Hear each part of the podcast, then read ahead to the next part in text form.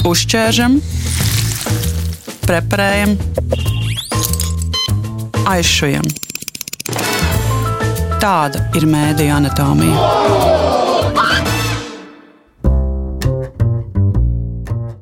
Sveiciens visiem mediju lietotājiem! Mani sauc Dārsa Krejera, un šajā reizē runāsim par mākslīgo intelektu vai līdz ar gudrākām tehnoloģijām ir arī apdraudēta žurnālistu profesija, un ko neizsmeļamās mākslīgā intelekta iespējas nozīmē mums, mediju lietotājiem.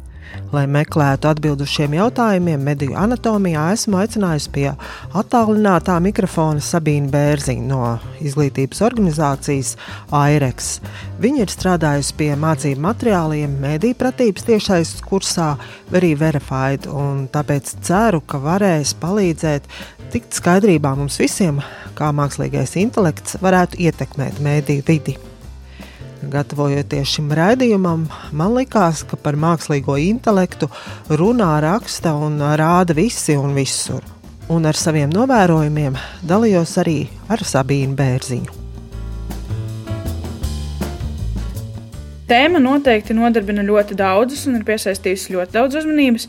Tas jautājums par to, kā atpazīt mākslīgā intelekta tehnoloģiju ģenerētu saturu, tas noteikti būs bīstamākais un aktuālākais tāds problēma jautājums tuvākajā nākotnē, jo ir daudzi, kas nu, brīdina un nāk klajā ar skaļiem paziņojumiem par to, ka mākslīgais intelekts var pat uh, iznīcināt cilvēci, bet skaidrs, ka tur ir runa par tādu nenoteiktu laika posmu, par nenoteiktiem tādiem neskaidriem mehānismiem, kā.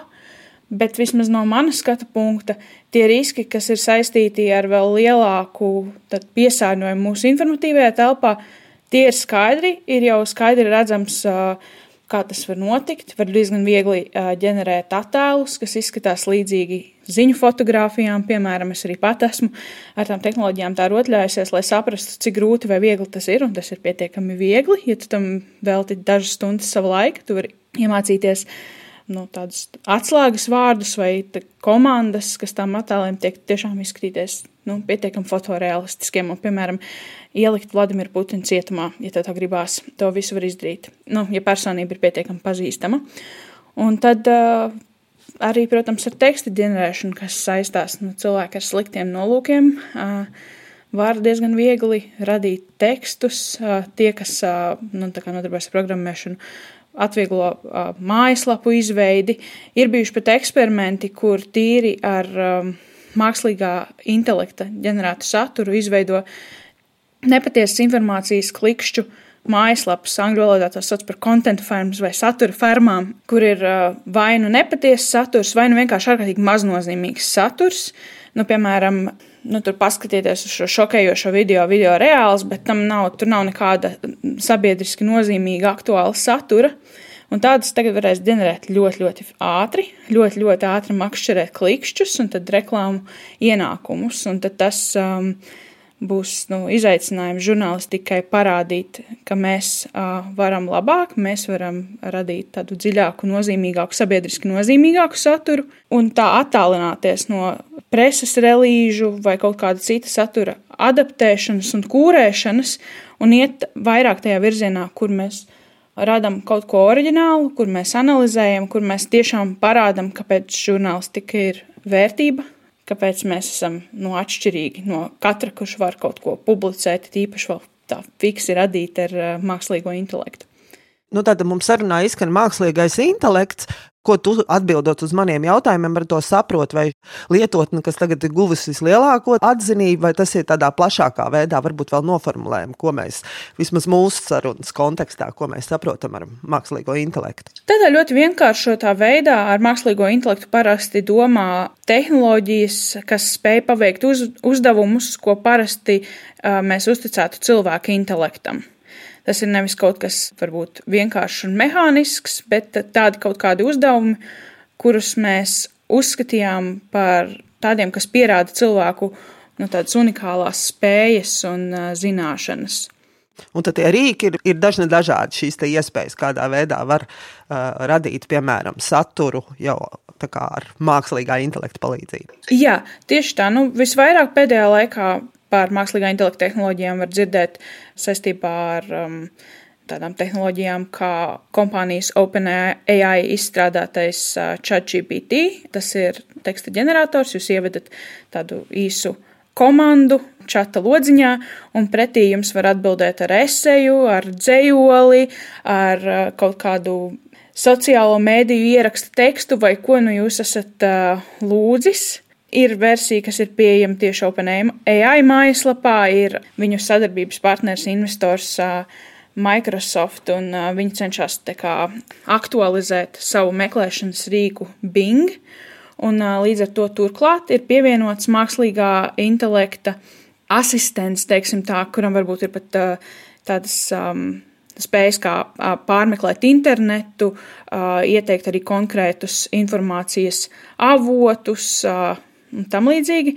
Un vēl populāras tehnoloģijas ir tādas, kas saistās ar attēlu ģenerēšanu, nu, piemēram, tā paša OpenAI iz, izstrādātais DALL-E un arī Midjourney, piemēram, kur ir par samaksu pieejami, un tad jūs varat ģenerēt, ko nu jūs atkal vēlaties, vai nu kaut ko, kas izskatās pēc glezniņas ar puķēm, līdz pat attēliem, kas izskatās, kā jau es minēju, pēc ziņu fotografijām gatavojoties intervijai, es nedaudz paprasīju dažas lietas latviešu valodā šim čatam, tad jā, es jautāju jautājumus saistībā ar mēdījiem, ar Latvijas mēdījiem, ar situāciju, tad tās lielākā daļa, kur bija tādi vispārīgi jautājumi, es saņēmu tādus studentu cienīgus referātus par Latvijas mēdīju situāciju un tā, bet tiklīdz es uzdevu jau konkrēts jautājums, piemēram, kad tiks apvienot Latvijas sabiedriskie mēdīji, tad tā atbilde bija tāda, ka, nu jā, es neesmu informēts par tām aktualitātēm, jautājumiem atbildes meklējiet Latvijas mēdījos? Uh, nu, pirmkārt, tas rīks un tā tehnoloģija labāk funkcionē angļu valodā. Tas, kā tā informācija, ko mēs pēc tam redzam, tajā chat GPT veidojās, ir tas, ka tika ievadīts milzīgs informācijas apjoms, Un tad, uh, vadoties no mūsu jautājuma, tehnoloģija prognozē, kādu atbildi mēs vēlamies saņemt. Un tad uh, lietojot visu to informāciju, kas ir pieejama, ģenerē atbildi, kas mums varētu patikt, kas mums varētu interesēt, kas mums varētu būt noderīga. Nu, latviešu valodā tur ir trūkumi. Un uh, viens ir tas, ka varbūt tās atbildes nav tik izsmeļošas, kā mums gribētos. Otrs trūkums ir arī tas, ka atbildes var būt arī nepatiesas. Uh, arī angļu valodā lieto vārdu hallucinations. Es nezinu, vai latviešu valodā tas apzīmējums halucinācijas ir tā labi iegājies, bet, nu, piemēram, tās halucinācijas var būt pat tik, nu, teiksim, tādas nopietnas kā nu, saturs, kas liekas pilnīgi izgudrots. Piemēram, es, kad veicu savus uh, eksperimentus, uh, Es uh, lūdzu ChatGPT ģenerēt tādu kā mazu esēju par atsevišķiem latviešu māksliniekiem, piemēram, uzrakstīt esēju par grāmatu uz kraujas rudzu laukā. Nu, tā kā jautājot to jautājumu, tā ir kā es būtu skolēns un es gribu kaut ko iesniegt. Bet acīm redzot, tā kā tās informācijas trūka, tad uh, tajā čata trešajā versijā par uz kraujas rudzu laukā atbildēja kā par latviešu autoru darbu, izdomātu latviešu autoru darbu, kur darbība notiek jaunautas mužā, un man tas pašai likās diezgan smieklīgi iedomāties Holden Caulfield jaunautas mužā. Un savukārt, ceturtajā versijā tā jau ir drusku labāka. Tā par skraujas rudzlaukā varēja sniegt nu, reālu aprakstu par to, kāds šis darbs arī ir. Un par latviešu māksliniekiem, kad es jautāju, reizēm mēģināju izdomāt mākslas darbu nosaukumus, kas, nu, es neesmu varbūt kāļu padaga eksperta, bet man šķiet, ka tādu darbu nav. Nu, vismaz tās meklējot informāciju par tiem, tāda tā kā nav. Bet ir arī nu, tādi varbūt vēl nopietnāki gadījumi, pat, kad uh, kāds mēģinot iegūt informāciju, ChatGPT piedāvā informācijas avotu sarakstu tieši tajā Bing tehnoloģijā, par ko es stāstīju iepriekš. Un uh, piedāvā izdomātus informācijas avotus, un es kāpēc par upuri tam bija kritis mēdījis The Guardian.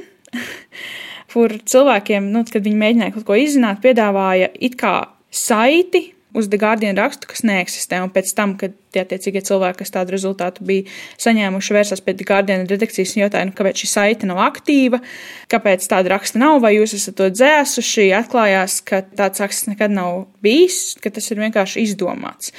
Tāpēc arī tādā ziņā mums ir jābūt ļoti piesardzīgiem. Ne tikai tāpēc, ka kādreiz tie rezultāti nav tik labi, bet tāpēc, ka tur var būt halucinācijas Nu, un vēl arī tas, ko minējāt, ka, ja tiek uzdoti konkrētāki jautājumi, tad, tad tas arī rada varbūt lielākas grūtības un tad lielāku kaut kādu halucināciju iespējamību, īpaši latviešu valodā, kur kaut kādas tās informācijas, uz kā balstīties, ir varbūt bijis mazāk nekā angļu valodā.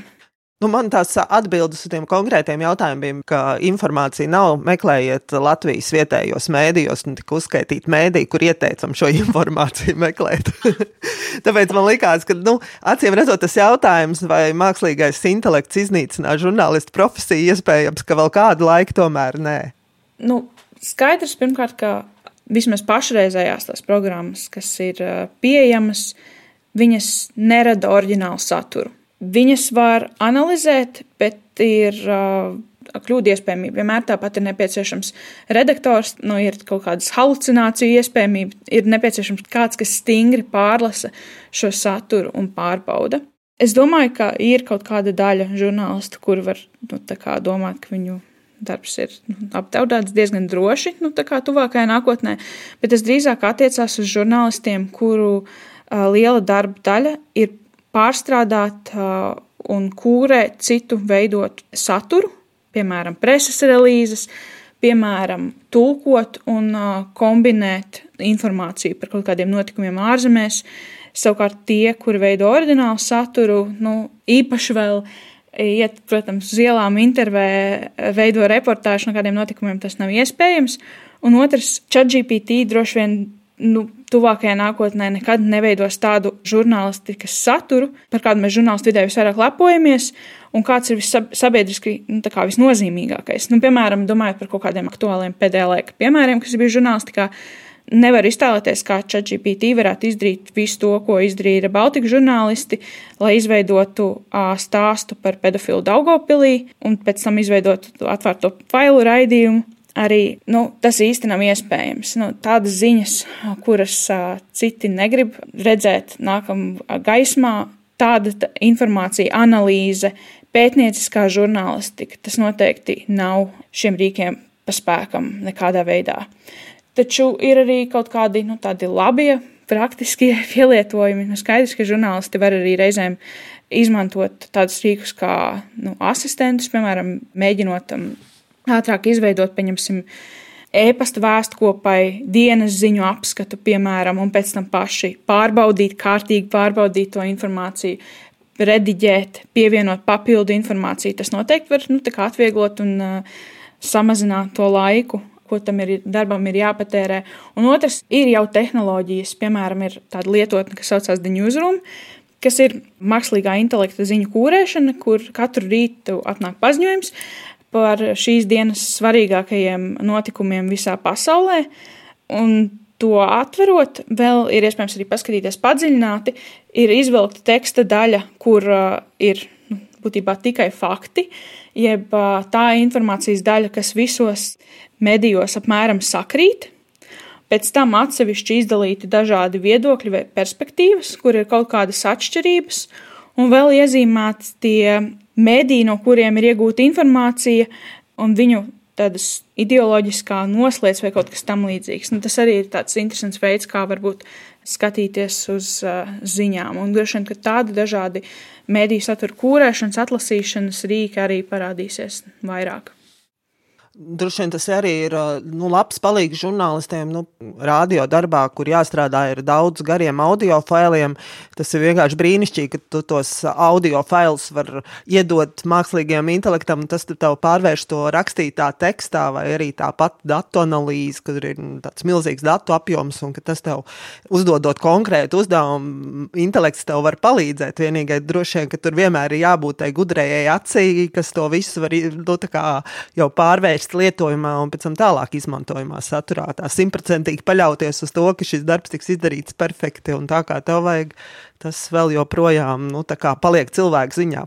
Jā, jā, un tās tehnoloģijas arī attīstās. Līdz ar to nu, ir grūti paredzēt, kāda izskatīsies uh, žurnālistu darba nākotne kaut kādā, es nezinu, 10, 20 gadu nogriezienī. Nu, mēs, tie cilvēki, kā mēs, kas nestrādā ar šīm tehnoloģijām, mums reizēm trūkst varbūt iztēles Tāpat kā mēs negaidījām ChatGPT, un ChatGPT mums jau bija milzīgs lēciens, lai gan paši OpenAI negaidīja, ka ir ziņots medijos, ka paša OpenAI darbinieki negaidīja, ka tā būs tāda sensācija, ka uh, būs tik daudz lietotāju un ieinteresēto. Līdz ar to viņiem tas bija kaut kas pierasts. Viņi ar šiem uh, lieliem valodas modeļiem strādā visu laiku, savukārt mums tas bija kaut kas pārsteidzošs. Bet uh, vēl viena lieta, par ko es būtiski pažījos, ir, ja ir viegli uh, izveidot klikšķu portālus, saturu klikšķu portāliem, uh, arī nu, viltus biogrāfijas, viltus autoriem. Ja mums būs vēl vairāk um, nekvalitatīva satura, kā uz to reaģēs mediju patērētājs? Proti, vai mediju patērētājs būs pietiekami gudrs, lai tad meklētu labu kvalitatīvu žurnālistiku pie kvalitatīviem medijiem, vai arī tas nogurums no drausmīgā informācijas apjoma, no tā, ka ir grūti uzticēties un grūti atrast tādu stabilu pamatu, vai tas uh, nogurinās tik ļoti, ka visi mēdīji atkal tiks salikti kopā tajā vienā tādā kategorijā, kā kaut kas, kas ir neusticams, kaut kas, ko mēs kā, nevaram ietekmēt, kaut kas, ko kontrolē kaut kādi augstāki spēki, kas mūs maldina, ka mums jāpretojās. Kā tas, nu, būtībā tagad sociālo mediju erā jau notiek. Uzticība arī tradicionālajiem mēdījiem krītās, ir tās bailes un bažas un grūtības atlasīt kvalitatīvu informāciju no nekvalitatīvas, un tas varētu tikai pastiprināties. Tur gan ir jāsaka, ka tur daudz kas ir arī pašu žurnālistu rokās, jo būtu aktīvi jāstrādā un aktīvi um, nu, jāpievēršas oriģināla satura radīšanai, informācijas pārbaudēji un jābeidz kā ideālu izvirzīt ātrumu. Jo nu jau mēs esam nonākuši pie tehnoloģijām, kuras mēs ātrumziņā nekad nepārskatīsim. Uh, tad tā ir bezjēdzīga cīņa. Mums ir jāfokusēs uz kaut ko citu, jāfokusēs uz kvalitāti. Un ar tiem patērētājiem, nu, ar tiem strādā tādas organizācijas kā AIREX, mums ir uh, kurss, arī Verified, mēs braucam uz skolām, mēs mēģinam mācīt, mēs tagad mēģinam nu, sākt šīs sarunas uh, skolās par mākslīgo intelektu, Tas arī ir interesanti, jo citās skolās skolēni nav pat dzirdējuši, citās atkal skolotāji uztraucās, ka viņi jau varbūt saņem kaut kādus darbus, kas ir mākslīgā intelekta, nevis skolēni ģenerēti. Mm, bet mēs mācām arī tiešsaistes kursā ir iekļauti, pieņemsim, rīki, kas var palīdzēt atpazīt mākslīgā intelekta ģenerētu tekstu. Mēs mācām atpazīt bildes, kaut kādas pazīmes, kas ir raksturīgas mākslīgā intelekta ģenerētām bildēm. Uh, Tas gan arī ir sarežģīti, jo šīs tehnoloģijas uzlabojās, līdz ar to visādas muļķības, ko var pamanīt bildēm fonos, tādas tā kā izsmērētas, spocīgas sejas, izsmērēti foni ar visādām tādām dīvainībām. Nu, tas tā kā no tām bildēm pazūd, bet tomēr ir jāstrādā to, kas mums ir, un jāmēģina sekot tai attīstībai līdzi. Un droši vien arī ne tikai skolās, bet arī topošiem žurnālistiem tas jau ir nu, tāda neatņemama mācību procesa sastāvdaļa. Gan eh, prast izmantot satura nu, teiksim, uzlabošanai, gan arī, protams, atpazīt, kur tas saturs ir kļūdains un viltots. Es tiešām ceru, Un es domāju, lai gan es varbūt nezinu par to saturu topošiem žurnālistiem, bet es tiešām ceru, jo tas principā ir diezgan labs uzdevums gan skolās, gan topošiem žurnālistiem, universitātēs, gan vispār citiem studentiem universitātēs. Piemēram, kādreiz palūgt nu, visiem skolēniem klasē, sadalīties grupās vai individuāli, palūgt ChatGPT ģenerēt eseju par kaut kādām trīs tēmām, un pēc tam uh, skolēnam iejusties uh, skolotāju lomā, paņemt sarkano pildspalvu un pāanalizēt, kas tur ir. Vai informācija ir patiesa, vai Holdens Kolfields ir darbojies jaunautas mūžā. Paskatīties uz to stilu, kāds tas ir, vai tas tiešām ir nu, tā tāds cilvēcīgs, vai visām esejām diezgan vienveidīgs pāanalizēt tās esejas, paskatīties, pakomentēt, uz kādiem jautājumiem ChatGPT var atbildēt kvalitatīvi un nevar atbildēt kvalitatīvi. Jo ar to ir jāsāk strādāt, lai varētu arī tad, ja mēs um, uztraucamies par negatīvo ietekmi, uh, kādu šīs tehnoloģijas var radīt, kā es, proti, radīt vēl lielāku apjukumu, uh, tikt izmantots maldināšanā. Mums ir jābūt pazīstamiem ar šīm tehnoloģijām. Mums ir jāzina, uz ko tās ir spējīgas, Tāpēc es arī teiksim, nodarbojos ar to rotaļāšanos ar attēlu ģeneratoriem, lai saprastu, kā es varu izveidot fotorealistiskus attēlus, lai pēc tam varētu citiem mācīt, kā šos attēlus atpazīt. Bet varbūt mēs varam tādā koncentrētā veidā salikt vēl pa plauktiņiem, kas ir šobrīd tādi no mēdīju lietotāju jau puses no tādi izaicinājumi. Jā, nu, patiesībā daudz arī mēdījos ir piemēram apspriesta dziļviltojuma tehnoloģijas. Bet problēma jau ir tāda, ka cilvēki mācās uzķerties arī uz daudz tādiem tādām primitīvākiem maldināšanas veidiem. Tur nav jābūt kaut kādām izsmalcinātām tehnoloģijām, tur nav jābūt mākslīgajam intelektam. Bet izaicinājumi ar mākslīgo intelektu savukārt ir tādi, ka, piemēram, tie attēli, viņi tiešām izskatās pat diezgan ticami. Nu, piemēram, pirms teiksim, mākslīgā intelekta ēras arī ir iespējams rediģēt video, un sociālajos mēdījos reizēm mēdz būt tāda video, kur kāda politiķa runa tiek nedaudz palēnināta. Un apgalvots, ka nu, šis politiķis ir parādījies publiski ierēbis. Tādi gadījumi ir bijuši arī Latvijā divi, un tāpat bija pietiekami daudz cilvēku, kas ar to saturu dalījās. ASV bija ļoti populāri ar Demokrātu partijas politiķa Nancy Pelosi arī tādu gadījumu, kur tika apgalvots, ka viņa parādās publiski e, iedzērusi. Tehnoloģijas, kas tam ir izmantotas, nav izsmalcinātas. Daudz prot palēnināt video, e, video redaktorā, un daudzi arī cilvēki spēj pateikt, ka kaut kas ar to video tomēr nav kārtībā. Taču, ja kāds indivīds ir, teiksim, pietiekami motivēts ticēt, ka uh, Demokrāta partijas politiķa Nancy Pelosi ir visu ļaunumu sakne.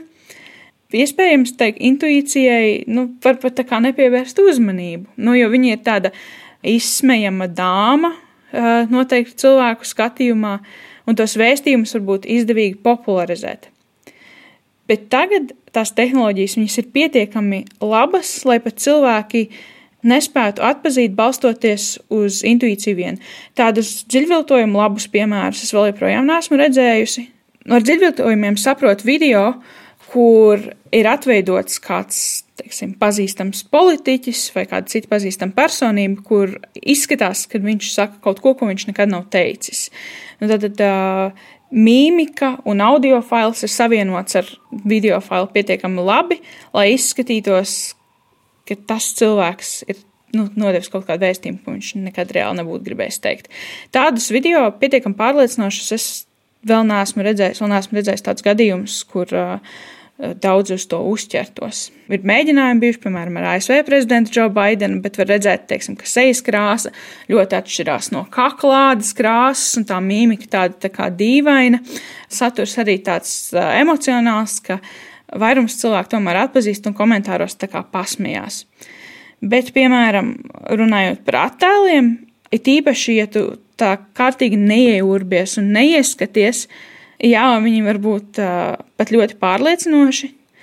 Un vēl viens tāds bēdīgs moments ir arī tīri balss, audio viltošana ar visiem tādiem cilvēkiem kā mums, kuru balss ir pietiekami daudz publiski pieejama var augšu pielādēt um, rīkā un tad ierakstīt tādu kā savu scenāriju, ko mēs ar mūsu balss paskām. Un tam var būt tādi labi pielietojumi. Mums noderīgi darbā, piemēram, var uh, tikai rakstiski ierakstīt teiksim, savu audio raidījumu saturu un tad saņemt tādu mākslīgi ģenerētu versiju, kas iespējams izklausīsies pietiekami tuva realitātei, taču to var izmantot arī maldināšanā, jo tagad ir bijuši gadījumi, kad teiksim, žurnālistu vai citu publisku personu audio izmanto, lai zvanītu ģimenes locekļiem un, piemēram, mēģinātu izspiest naudu. Un cilvēkiem būs jāiemācās, ka viņi nevar īsti uzticēties savām maņām ka tas, ko viņi redz, kas izskatās pietiekami ticams, ka tas, ko viņi dzird, kas arī izklausās ticams, ka tā varbūt nav patiesība. Un tā ir, es domāju, tāda ļoti nu, sarežģīta robeža, kurai būs grūti pārkāpt. Pat ja liek, mūsu intuīcija saka, ka izklaus, izskatās ļoti ticami. Kā tev būtu tie ieteikumi, kā nu, mums, kā lietotājiem, kur un kā to var pārbaudīt, vai kas būtu tas minimums, kas jāizdara tad, ja pat, nu, varbūt rodas šaubas par to, ko mēs redzam, dzirdam. Jā, nu, piemēram, kad runa ir par uh, tādiem vienkāršākiem video manipulācijas veidiem, tā sauktiem cheapfakes vai lētviltojumiem, kur video atkal palēnina, kā es minēju iepriekš. Tur ir video oriģināls, un ja vien tev pietiek pacietības, tu vari meklēt. Iepriekš strādājot kā faktu pārbaudītājs, es esmu to darījusi. Tur bija video no valdības sēdes, kurš ir palēninās, lai izskatītos tā, ka bijušais tieslietu ministrs un premjeras ir nu, parādījušies tajās sēdēs ierēbuši. Un tad, ko es darīju? Tā kā visās tajās kabinetes sēdēs viņi sēž telpā un fons ir vienāds, es uh, skatījos, kādā krāsā ir viņa šlipse. Un tad es valdības YouTube kanālā meklēju visus video, kur šiem abiem kungiem ir tās pašas krāsas šlipse, kā palēninātie video, un tādā veidā es tad uh, ar laiku atradu oriģinālu. Tas prasa daudz pacietības. Tāds vidējais mediju patērētājs, protams, nu, negribēs tam veltīt tik daudz laika, bet tas ir iespējams. Savukārt, ja runa ir par dziļviltojumu, kas ir nu, pilnīgi mākslīgi ģenerēts video, viņam nav oriģināla. Tāpēc viens ir pievērst uzmanību tam, ka, ja paziņojums ir kaut kāds negaidīts par ļoti emocionālu tēmu, ir jāpiebremzē un varbūt jāpagaida, kamēr tā informācija tiek apstiprināta kaut kādos uzticamākos avotos. Tas ir kaut kas, ko mums principā ir jāiemācās attiecībā uz jebkuru informāciju, ne tikai kaut kādu mākslīgā intelekta ģenerētu. Vispār sociālās mēdījos te vajadzētu būt tādai kā personiskās higiēnas prasmē, ko mēs iemācāmies, ka mēs nedalāmies ar kaut ko pirms mēs, nu, ja mēs neesam diezgan droši, ka tā ir taisnība, ja tas nenāk no uzticama informācijas avota. Bet mēs to joprojām darām. Reizēm kāda impulsa vadīta, ka liekas, ka informācija ir tik skandaloza un tā mums tik ļoti sadusmo, ka mēs gribam nu, brīdināt citus. Tā mums būs jābeidz darīt, jo iespējams mēs nu, bieži sastapsimies ar kaut kādu skandalozu informāciju, kas sadusmo, kas sarūktina, bet uh, mēs nedrīkstam dalīties pirms uh, mēs saņemam kaut kādu apstiprinājumu tam video materiālam. Piemēram, ja mēs redzam premjeru, kurš saka, ka mēs tagad, nu, tagad sāks vispārēju mobilizāciju, iesaucam visus vīriešus armijā vai kaut ko, kas varētu satraukt lielu daļu sabiedrības, mums varbūt vajag pagaidīt, lai šis ziņojums tiek apstiprināts arī citos formātos, citos mēdījos, um, ne tikai Facebookā, kāda cilvēka kontā. Un te mēs atkal atgriežamies pie tā, ka mēdīji un žurnālisti būs vajadzīgi, kas kaut vai nu, iedos to patieso informāciju un apstrīdēs, vai tieši apgalvos, ka šī informācija ir patiesa. Jā, jā, nu man arī kolēģis jautāja, piemēram, vai mums vispār būs darbs nevalstiskajā sektorā strādājošajiem. Mums, kas nodarbojas ar mēdīju pratību, būs ļoti daudz darba. Un tāpat arī žurnālistiem, kas dara savu darbu labi un kvalitatīvi, būs ļoti daudz darba. Gan mēģinot visus tos plūdus sasmelt un atspēkot informāciju, gan arī iespēja apliecināt, ka žurnālisti tiešām ir nu, vairāk vērti nekā kurš katrs, kurš internetā var publicēt kaut kādu informāciju. Nepatiesu, muļķīgu, sagrozītu, ka mēs tomēr esam vara, uz ko var paļauties, ka mēs spējam atklāt kaut kādas jaunas problēmas, ka mēs spējam kvalitatīvi analizēt, ka mēs tomēr ieguldam laiku informācijas pārbaudē un cilvēki var uzticēties. Un, nu, tas var izvērsties dažādi, ja visi skries līdzi tam tehnoloģijām, nu, tā kā sunīši, kur bumba pamet, tur mēs skrienam pakaļ.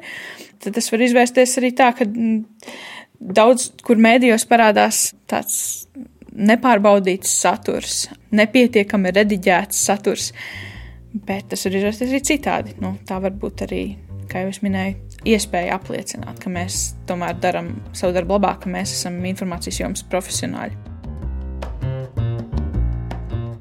Paldies Sabīnai Bērziņai no izglītības organizācijas AIREX par interesanto sarunu. Visu interviju var noklausīties sev ērtākā laikā Latvijas radio lietotnē vai raidierakstā. Raidījumu mediju anatomijas šajā reizē gan vēl neveidoja mākslīgais intelekts, bet es, žurnāliste Dārsa Krejere un skaņu operators Reinis Budze. Uzķēršam, preparējam aizšujam. Tāda ir mēdīņa anatomija.